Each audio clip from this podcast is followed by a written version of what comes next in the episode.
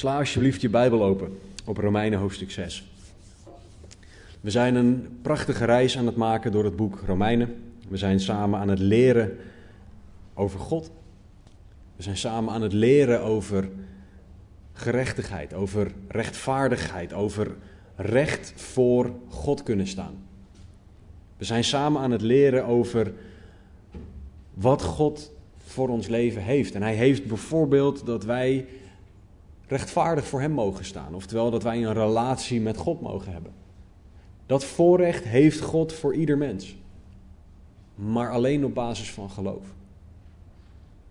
Paulus was de kerk in Romeinen aan het leren over allerlei dingen. Maar alles gericht op rechtvaardigheid door geloof.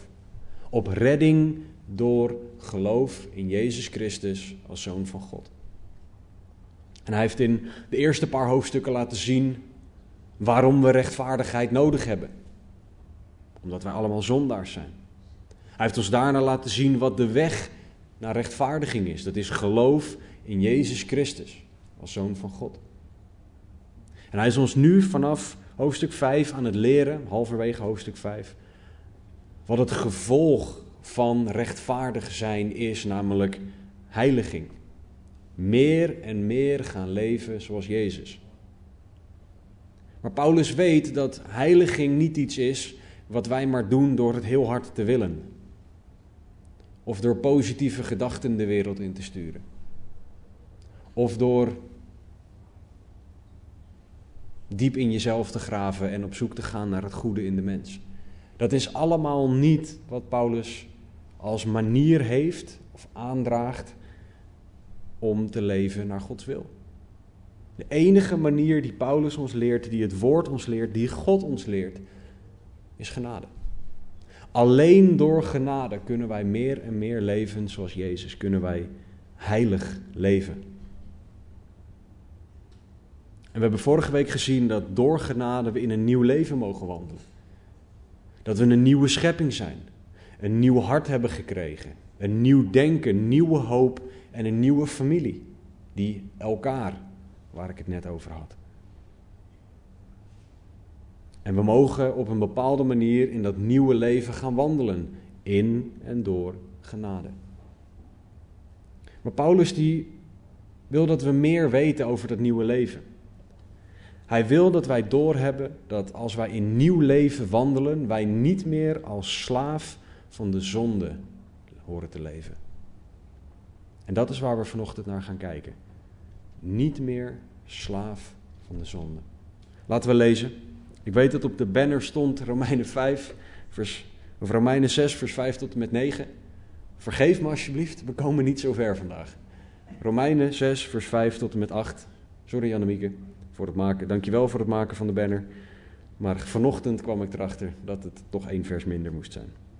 Laten we lezen. Romeinen 6, vers 5 tot en met 8. Want als wij met hem één plant zijn geworden, gelijk gemaakt aan hem in zijn dood, dan zullen wij ook aan hem gelijk zijn in zijn opstanding. Dit weten wij toch dat onze oude mens met hem gekruisigd is, opdat het lichaam van de zonde teniet gedaan zou worden en wij niet meer als slaaf de zonde zouden dienen. Want wie gestorven is, is rechtersvrij van de zonde. En als wij nu met Christus gestorven zijn, geloven wij dat wij ook met Hem zullen leven. Laten we bidden. Vader God, dank u voor uw woord. Dank u wel, heren, dat elk vers, elk woord door u geïnspireerd is. En dat het heilige, objectieve, tijdloze waarheid is. En Heer, het is mijn gebed dat u dan vandaag tot onze harten spreekt. Open alle harten, open alle gedachten. Heer, zodat ons hart en onze gedachten overtuigd worden van u. Heer, breek af, bouw op, doe alles wat u wil doen vandaag. Breng tot geloof, Heer, want dat is het belangrijkste. En Heer, laat ons allemaal meer en meer heilig gaan leven zoals Jezus. Laat er geen enkel woord van mij bij zitten. Heer, alleen maar uw woorden, woorden van eeuwig leven. En Heer, we vragen dit in Jezus' naam. Amen. Paulus is ons aan het leren over genade. Over wandelen in nieuw leven door genade alleen. En hij is ons aan het leren over wat genade is en ook wat het niet is. Oftewel, zoals we vorige week ook gezien hebben, genade is niet iets dat je ontvangt door te zondigen. Dus zonde is niet voorwaardelijk om genade te krijgen. Jezus leefde ook uit genade en hij zondigde niet. En Paulus wil dat wij leren leven in een nieuwe leven dat we gekregen hebben. Een leven waarin zonde niet regeert. En dat is de gedachte die hij doorzet vanaf of in vers 5. Hij begint met want. Voor degene van jullie die meer en meer de Bijbel willen leren bestuderen, als je het woordje want ziet staan, dan moet je je afvragen waarom staat dat daar? Want want in de Nederlandse taal betekent dat er iets voor staat wat belangrijk is, want hetgene dat erna komt en dan komt uitleg. Het want wijst naar vers 4, naar het nieuwe leven. En dan zegt Paulus, als wij in nieuw leven zouden wandelen, want als wij met hem één plant zijn geworden. Nou, ik heb geen groene vingers, dus voor mij zijn planten iets raars. Planten zijn om op te eten en zo, om in je salade te stoppen. Maar dat is niet waar Paulus het over heeft. Hij heeft het, het, het is wat ongelukkig vertaald.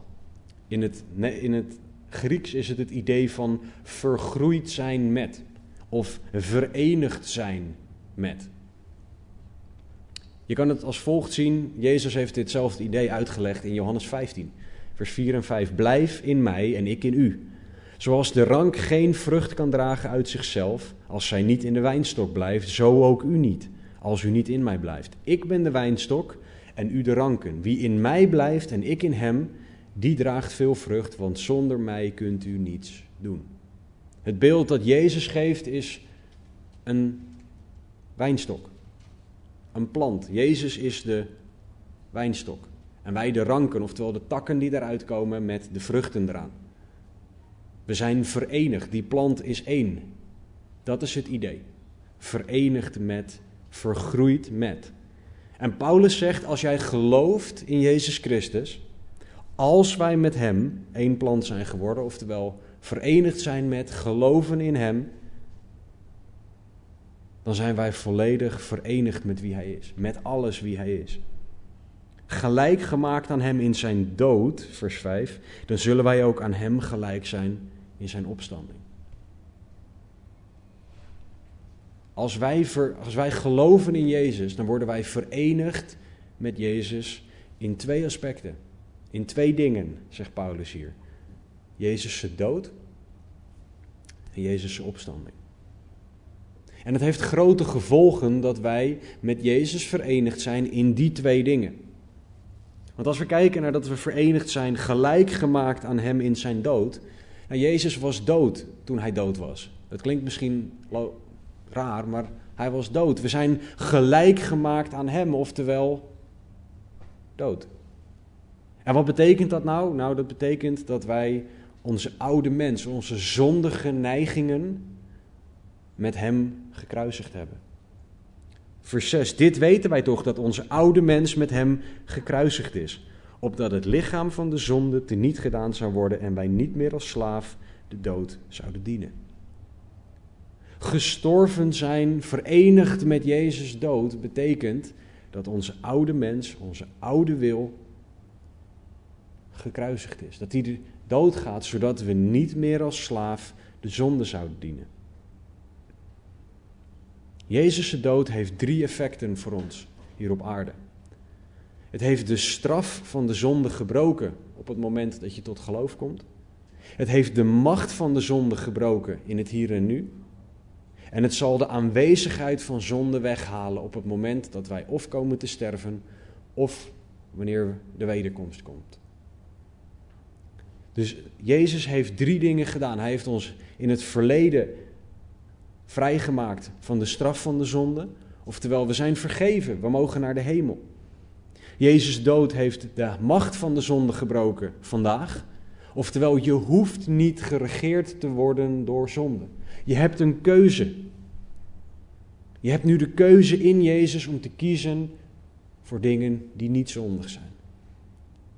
En als laatste kijken we uit naar de toekomst, waarin de aanwezigheid van zonde weggehaald zou worden. Waarin het niet eens meer een keuze is om te zondigen, maar waarin we alleen nog maar kunnen kiezen voor heilige daden. De straf, de macht en de aanwezigheid van de zonde is gebroken. Het verleden, het heden en de toekomst. Dat heeft Jezus dood voor ons gedaan. Daaraan zijn wij gelijk gemaakt in Jezus dood. Dus we zijn niet langer gebonden aan de zonde. Het is niet meer zo dat de zonde aan ons vastzit als een Siamese tweeling waar je niet van afkomt. Als je schaduw die je altijd met je meeneemt. Wij mogen in Gods vrijheid leven. 2 Korinthe 3:17 verwoordt het als volgt: De Heere nu is de geest en waar de geest van de Heere is, daar is vrijheid. Er is zoveel vrijheid bij God. Zoveel mensen richten zich op, ja maar je mag dit niet, ja maar je mag dat niet, je mag zus niet en je mag zo niet. Maar er is zoveel wat we wel mogen. God geeft ons namelijk grenzen waarbinnen wij complete vrijheid hebben om dingen te doen die Hem eren en die goed voor ons zijn. Alles daarbuiten eert God niet en is slecht voor ons. Hoe is het dan verkeerd om dingen niet te doen als ze toch uiteindelijk slecht voor je zijn? Er is juist vrijheid, omdat God weet wat wel goed voor ons is, wat wel Hem eert.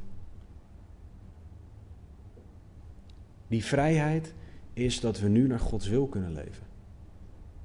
Dat we kunnen zijn wie God ons gemaakt heeft.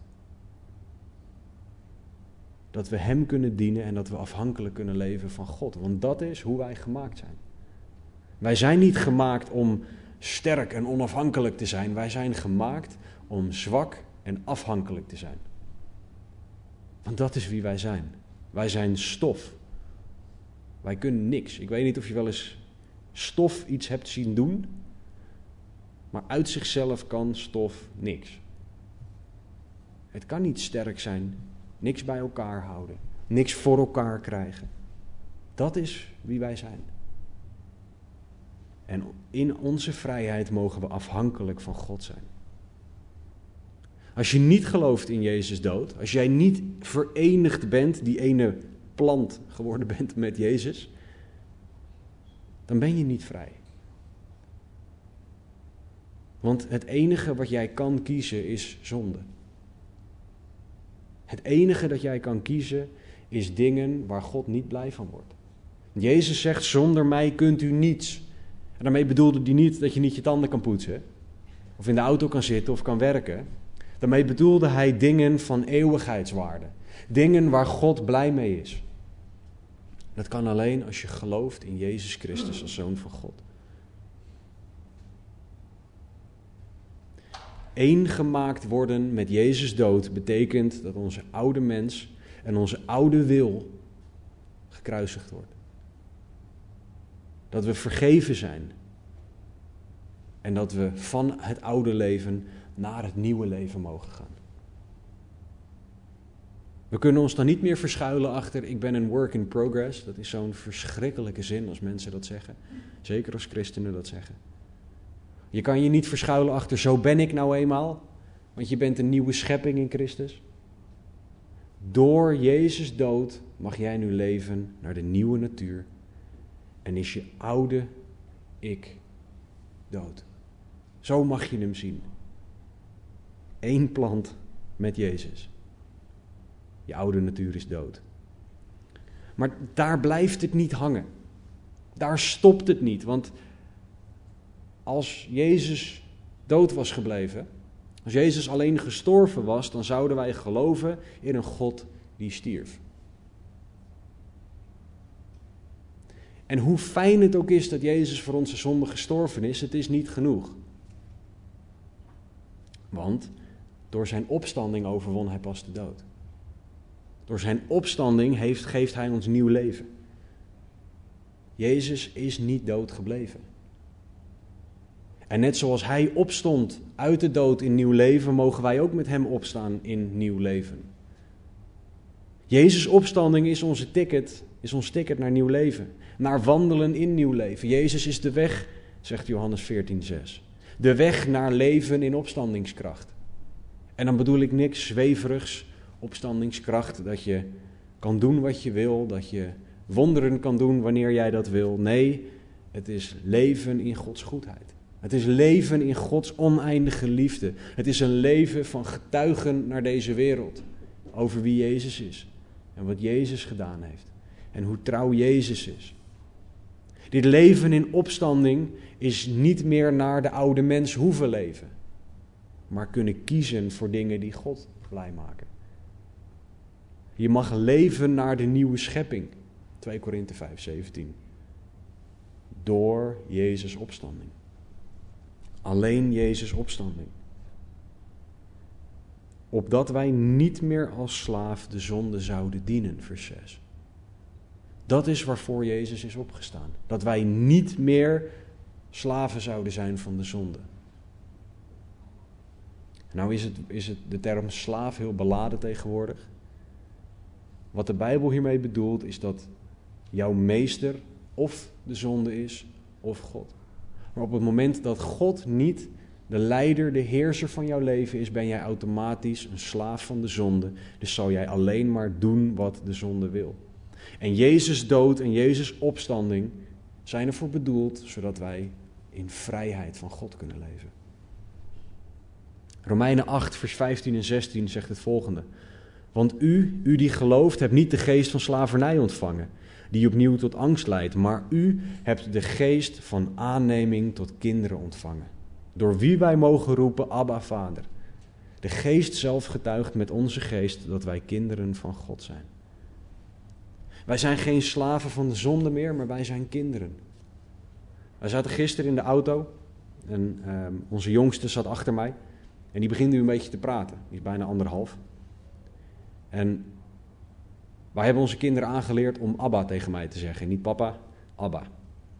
Ehm, dus onze jongste die zat achter mij en die begon Abba, Abba, Abba. En voor degene die papa aan hun kinderen geleerd hebben, het is alsof er gewoon een papegaai achterin zit en papa zegt. In mijn geval was het Abba. Maar daardoor kan ik herkennen wat er hier in Romeinen staat. Wij mogen het uitroepen naar God Abba. En dat betekent papa. Dat is niet een God ver af, maar dat is een God heel dichtbij. Een papa die je op schoot wil nemen, die je wil knuffelen, die je zijn liefde wil laten zien. Dat is de hemelse Abba die wij hebben. De hemelse papa die van ons houdt. En dat is waar wij toegang toe hebben door Jezus' opstanding. Wij mogen in dit leven wandelen, leven als Gods kinderen. Erfgenamen van God, net als Jezus. En als kind van God ben je onder andere geen slaaf meer van de zonde, want jij bent een kind van God. En God is niet een meester die klaar staat met een zweep om je een keer even een goede lel voor je oren te geven. Op het moment dat je iets doet wat niet mag. Nee, God is een liefdevolle vader. Hij corrigeert voor de duidelijkheid, maar hij corrigeert altijd voor ons, zodat wij er beter van worden. Dat is de hemelse papa die wij hebben. Dat is waar Jezus opstanding belangrijk voor is. Jezus dood betekent de kruisiging van onze oude mens. Als wij met Hem verenigd zijn, één plant zijn geworden. Het betekent de dood van vlees en zonde in ons leven. Als wij leven in de opstandingskracht. En dat is waarvoor Jezus opstond uit de dood. Wij zijn verenigd, gelijk gemaakt aan Hem in zijn dood, vers 5. En dan zullen wij ook aan Hem gelijk zijn in zijn opstanding. De zonde stierf en we stonden op in nieuwheid des levens, zoals Jezus. Dat is wat Paulus wil dat wij ons realiseren. Dit is wat genade in ons wil bewerken. Dat wij niet meer leven naar die oude zonde, naar die goede oude tijd. Want zo goed was die tijd helemaal niet. Die tijd was leeg en was dood en was, ging alleen maar dingen gingen daar kapot. Maar in, we mogen wandelen, opstaan in nieuwheid des levens. En leven naar Gods wil door Gods kracht.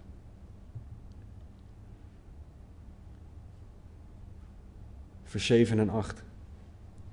Wie gestorven is, is rechtens vrij van de zonde. Als wij nu met Christus gestorven zijn, geloven wij dat wij ook met Hem zullen leven. Dit is hoe God ons, hoe God ons ziet. Rechtens vrij van de zonde. Wij hebben geen schuld meer aan de zonde.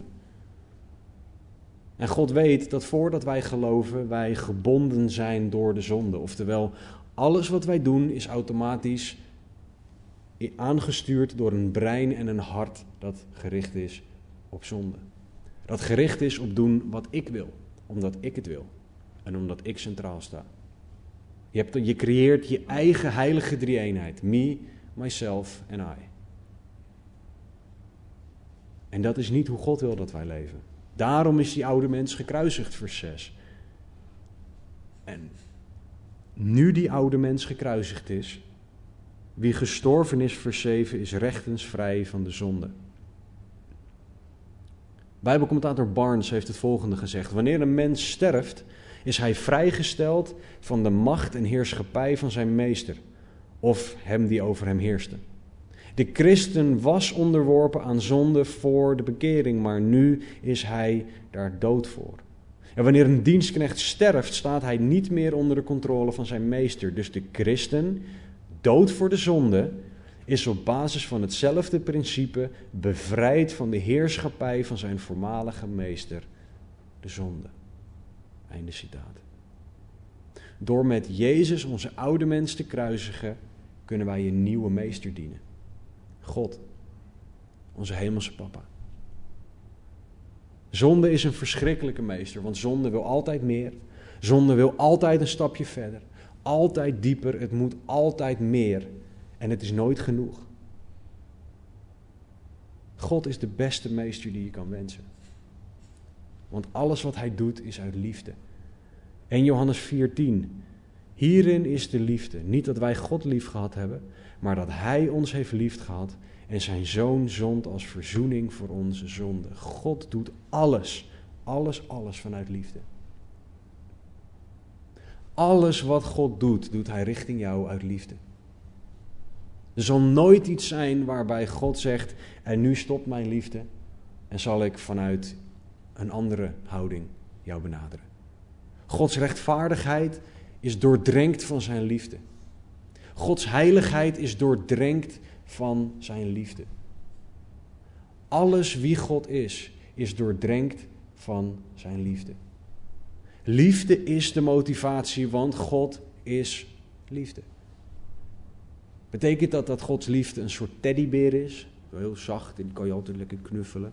Die alles maar toestaat, want hij is toch liefde? Nee. Gods liefde is ook heilig. Gods liefde is rechtvaardig. Maar alles wat God doet, doet hij vanuit liefde. En niet omdat wij Hem eerst hebben lief gehad, maar omdat Hij eerst van ons gehouden heeft. Dat is hoe God handelt. Dat is de meester die we hebben wanneer we tot geloof komen in Jezus Christus. En dat is hoe God wil dat jij leeft. Dat moet de motivatie voor jouw leven zijn.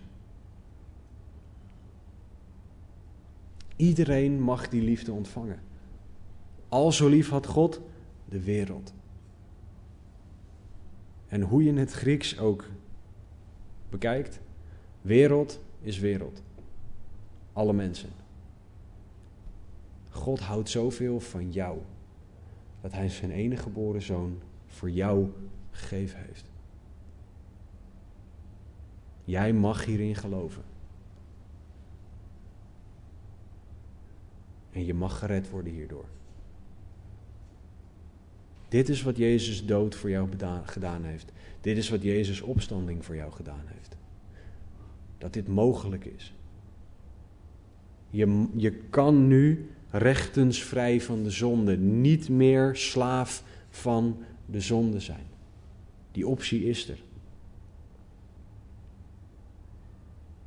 Je mag nu met Hem leven. Als wij nu, vers 8, met Christus gestorven zijn, geloven wij ook dat we met Hem zullen leven. En dat verwijst deels naar de hemel. Maranatha, Heer, kom snel terug. Maar ik wandel nu nog niet in de hemel.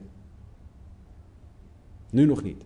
Hoop dat we snel opgenomen worden. Tot dat moment wandel en leef ik nog niet in de hemel. Ik wandel hier op deze rots die wij aarde noemen.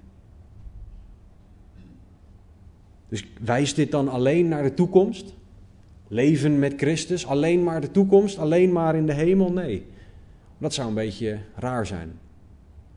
Het zou ook niet consistent zijn met wat Paulus nu aan het leren is, namelijk heiliging hier in dit leven.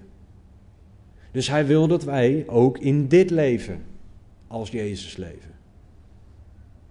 Dat wij ook met Hem zullen leven. Dat wij verenigd met Jezus zullen leven. En ik wil dan naar een aantal dingen kijken over hoe Jezus leefde. Want dat is hoe wij ook horen te leven, zegt Paulus. Ik wil het houden bij drie dingen, want hier kan je een hele studiereeks van maken over hoe Jezus leefde. Maar ik wil het houden bij drie simpele dingen. De eerste is, Jezus leefde gehoorzaam aan God. Johannes 5:19. Jezus dan antwoordde en zei tegen hen: Voorwaar, voorwaar, oftewel luister goed, ik zeg u, de zoon kan niets van zichzelf doen. Als hij dat niet de vader ziet doen, want al wat deze doet, de vader doet, dat doet de zoon ook op dezelfde wijze. Jezus leefde gehoorzaam aan God. Als God de Vader iets deed, deed Jezus dat. Als God de Vader iets niet deed, deed Jezus dat niet. Er was geen moment dat Jezus zei, maar nu even niet. Jezus kon niks uit zichzelf toen hij mens was. Hij deed alles uit gehoorzaamheid aan God. En dat is het voorbeeld. Gods weg was voor Jezus altijd de enige weg. Jezus ging daar niet over in gesprek. Heer, maar u kent mijn situatie niet. Deze keer kan het toch wel. Hij ging niet onderhandelen. Als ik nou deze keer niet luister, dan luister ik volgende keer twee keer. Of drie keer. Als u nou voor mij deze keer toestaat dat ik dit doe, of deze keer toestaat dat ik dit niet doe, dan de volgende keer zal ik naar u luisteren. Onderhandelen met God. Ook zo'n heel christelijk iets, en het is echt het christenjargon wat ik nu ga gebruiken. Jezus legde nooit een Gideonsvlies neer. Gideonsvlies, voor degene van jullie die dat niet weten. Oude Testament, Gideon kreeg een opdracht van God.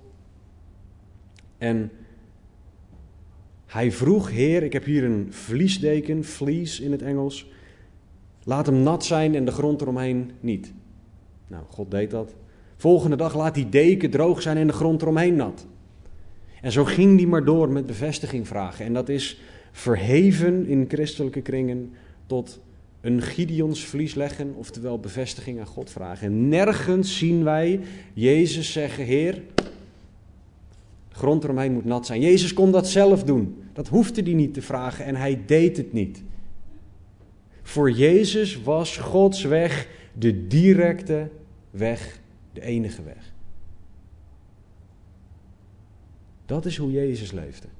En dat is hoe wij horen te leven. Wij zijn zo snel geneigd om te zeggen: Heer, oké, ik hoor wat u zegt. Zo'n vies managementzinnetje. Ik hoor wat je zegt, maar ik doe het niet, betekent dat. Ehm, maar, is dan het volgende woord. Als u nou eventjes dit eerst voor mij doet. Als u nou eventjes iemand anders vraagt. Ik hoor wat u zegt, maar ik heb eigenlijk geen zin. Of ik vind het eng. Kan. Het kan zijn dat God hele enge dingen aan je vraagt. Jezus stond letterlijk doodsangst uit toen hij richting het kruis ging. Maar toch koos Jezus ervoor om Gods weg belangrijker te vinden dan zijn eigen gevoelens. Dan zijn eigen angsten, dan zijn eigen pijn. Dat is hoe ons leven hoort te zijn. Dat is hoe ons leven ingericht hoort te zijn. Want onze meester is goed. Jezus was gehoorzaam aan God. Ben jij gehoorzaam aan God? En gehoorzaam zoals Jezus?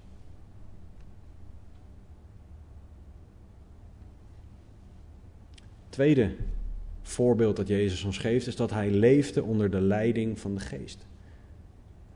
Lucas 3, 21, 22. En het geschiedde toen al het volk gedoopt was en Jezus ook gedoopt was en aan het bidden was, dat de hemel geopend werd en dat de Heilige Geest op hem neerdaalde in lichamelijke gedaante als een duif. En er kwam een stem uit de hemel die zei, u bent mijn geliefde zoon, in u heb ik mijn welbehagen. Direct hierna wordt Jezus door de Heilige Geest de woestijn ingeleid, Lucas 4. En wordt Jezus 40 dagen verzocht door de duivel. Jezus leefde altijd onder de leiding van de Geest. Pas na dit moment begon Jezus zijn bediening. Ging hij mensen dienen en het woord verkondigen. Verkondigen, sorry.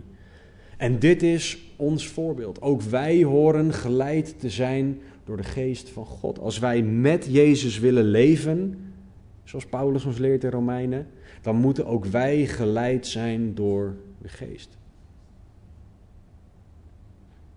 De geest moet ons leiden in wat we moeten doen. En wanneer we het moeten doen. Ik heb een keer iemand horen zeggen: slow obedience is no obedience. Degene die. Langzame gehoorzaamheid is geen gehoorzaamheid. Want dat is gehoorzaamheid op jouw voorwaarden. Jij bepaalt dan de, de voorwaarden, niet God. De geest moet bepalen hoe wij het doen. Niet met zo'n smoelwerk, omdat we nou eenmaal iets moeten doen en we er geen zin in hebben.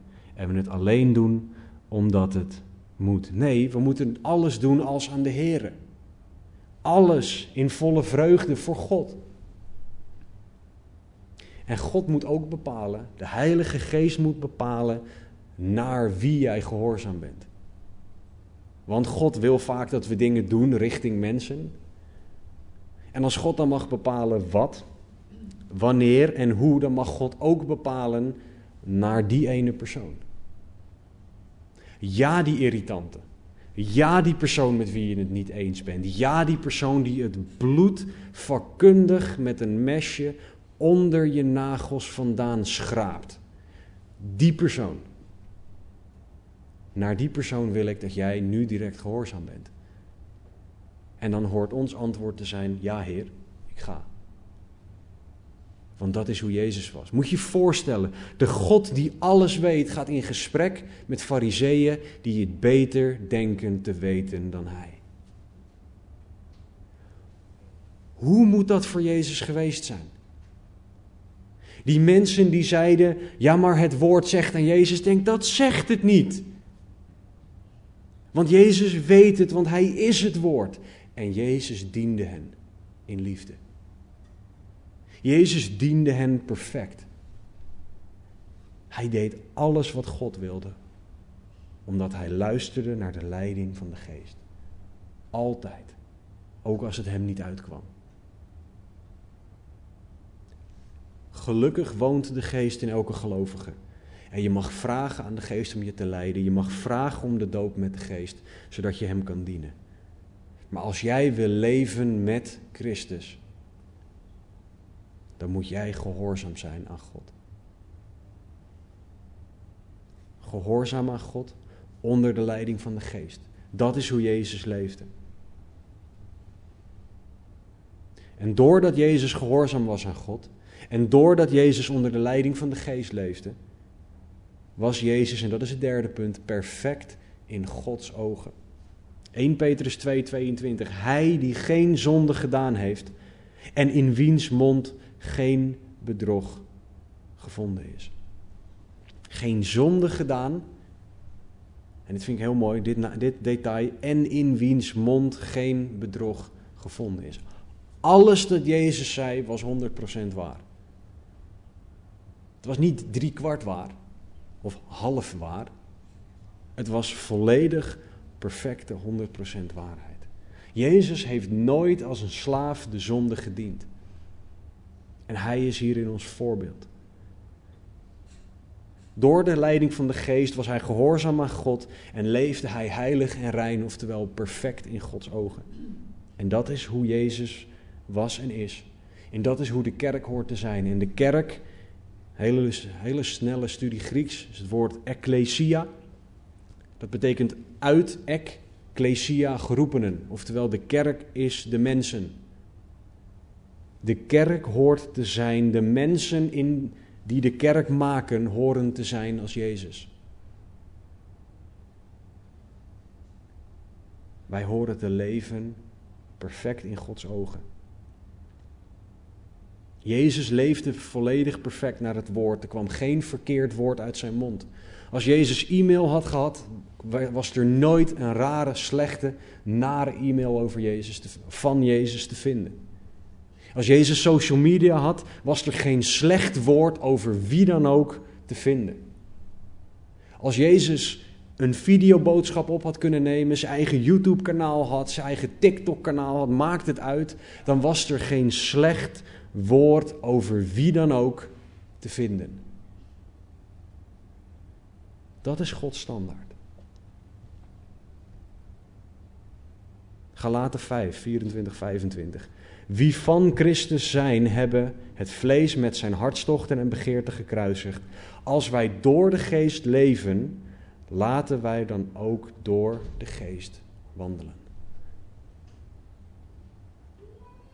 Bijbelcommentator Barnes heeft het volgende gezegd. Dit sterven was met Christus of door Christus. Het kan niet letterlijk betekenen dat wij met Hem gestorven zijn. Want dat is niet waar. Paulus stierf niet toen hij dit schreef. Maar dit betekent dat het effect van Christus dood aan het kruis hem dood moest maken voor deze dingen. Net zoals toen Jezus stierf, hij ongevoelig werd voor de dingen van deze drukke wereld. Door te sterven aan je begeerten en je hartstochten, door die te kruisigen met Jezus, zal jij je vlees overgeven aan God en als dood zien. En Gods werk is dan om je ongevoelig te maken voor de verleidingen van deze wereld. Maar de keuze is aan jou om je zondige verlangens aan God te geven en bewust voor God te kiezen. Het is de beste keuze en hij is soms pijnlijk. Want het kan zijn dat God die ene zonde die je toch wel heel erg fijn vindt, dat God die uit je wil snijden. Dat God die uit je wil halen. Het is de beste keuze om dit te doen, want het is een relatie met God. En het is de beste keuze omdat jij als christen dan niet meer geregeerd wordt door de zonde, maar geregeerd wordt door God. God wil heiligheid van zijn kinderen, want hij is heilig. En daarom vanaf het moment dat jij gelooft, is God jou meer en meer heilig aan het maken. Het heiligingsproces. Niet meer als slaaf de zonde dienen. Dat is wat God wil. Want met Christus leven betekent dat wij niet meer door de zonde geregeerd worden. Maar dat wij in een nieuw leven wandelen. Romeinen 6:22. Maar nu, van de zonde vrijgemaakt en aan God dienstbaar gemaakt, hebt u uw vrucht, die tot heiliging leidt, met als einde eeuwig leven. Dat is wat God voor ogen heeft. Eeuwig leven met God. Vrijgemaakt van de zonde. En dat begint nu al, dat eeuwige leven. We zijn van de zonde vrijgemaakt als we geloven in Jezus. We zijn aan God dienstbaar gemaakt als we geloven in Jezus als zoon van God.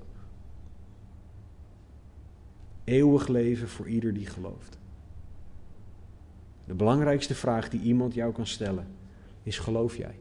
Geloof jij in Jezus Christus? Geloof jij dat Jezus voor jouw zonde gestorven en opgestaan is? Als niet, is vandaag het moment. Je mag vandaag op dit moment om vergeving vragen van je zonde. En in Jezus geloven als zoon van God. Je hoeft niet alles te snappen. Dat doe ik nog steeds niet en ik geloof al best wel wat jaartjes.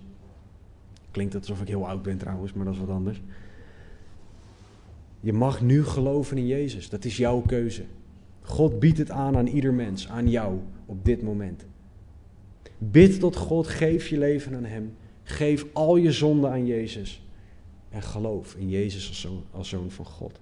En de Bijbel belooft dat als je dat doet, dat je dan eeuwig leven hebt. Christen, Regeert de zonde in jou? Ben jij nog ergens een slaaf van de zonde? Want je bent vrijgemaakt door God, maar dat betekent niet dat je er ook naar leeft. Want je kan iets krijgen zonder er wat mee te doen.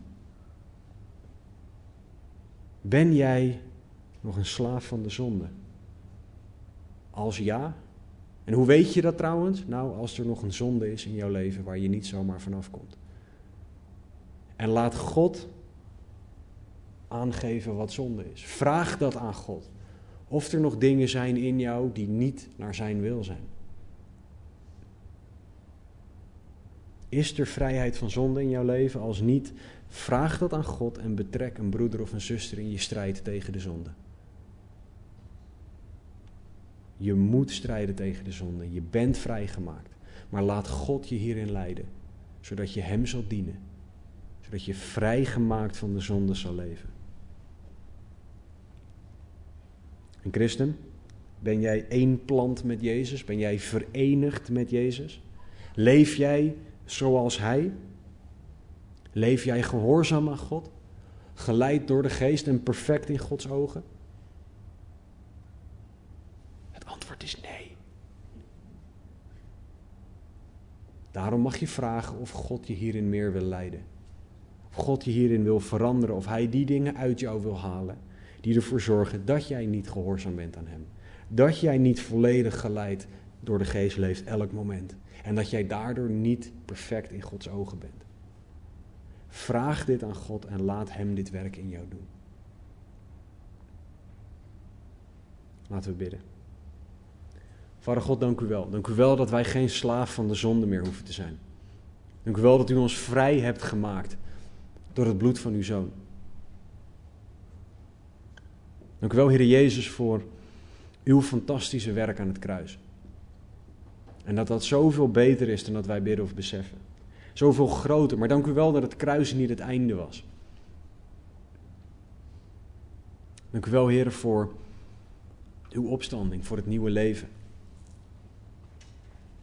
Dank u wel dat u zoveel beter voor ons hebt, Heer, dan dat wij doorhebben. En Heer, het is mijn gebed dat u ons allemaal zal laten zien wat uw weg is. Heer, laat hen zien die nog niet met u wandelen, Heer, hoeveel beter uw weg is. Hoeveel u van hen houdt, Heer. Breng mensen tot geloof op dit moment.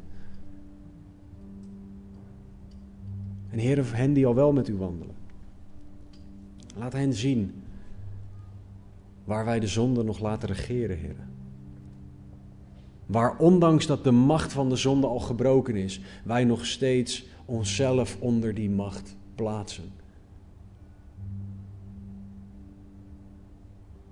Heer, haal alle zonde uit ons weg. Leid ons om gehoorzaam aan u, geleid door de geest, perfect in uw ogen te leven. Heilige Geest, overtuig een ieder van zonde, gerechtigheid en oordeel.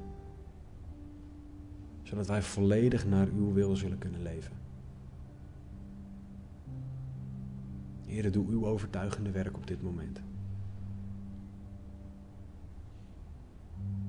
Wat voor vrucht dan had u van de dingen waarover u zich nu schaamt? Immers, het einde daarvan is de dood. Maar nu van de zonde vrijgemaakt en aan God dienstbaar gemaakt, hebt u uw vrucht die tot heiliging leidt, met als einde eeuwig leven. Een binningsteam gaat ons leiden in een tweetal liederen. Vraag tijdens deze liederen aan God wat de dingen zijn in jouw leven die niet naar zijn wil zijn. Laat Hem jouw leven opschonen, zodat je heilig en rein voor Hem zal leven. We hebben allemaal dingen waarin wij zondigen, struikelen, dingen doen die niet naar God wil zijn. Maar vraag God om jou te heiligen. Wees bereid om Hem het werk in jou te laten doen. Met als einde eeuwig leven.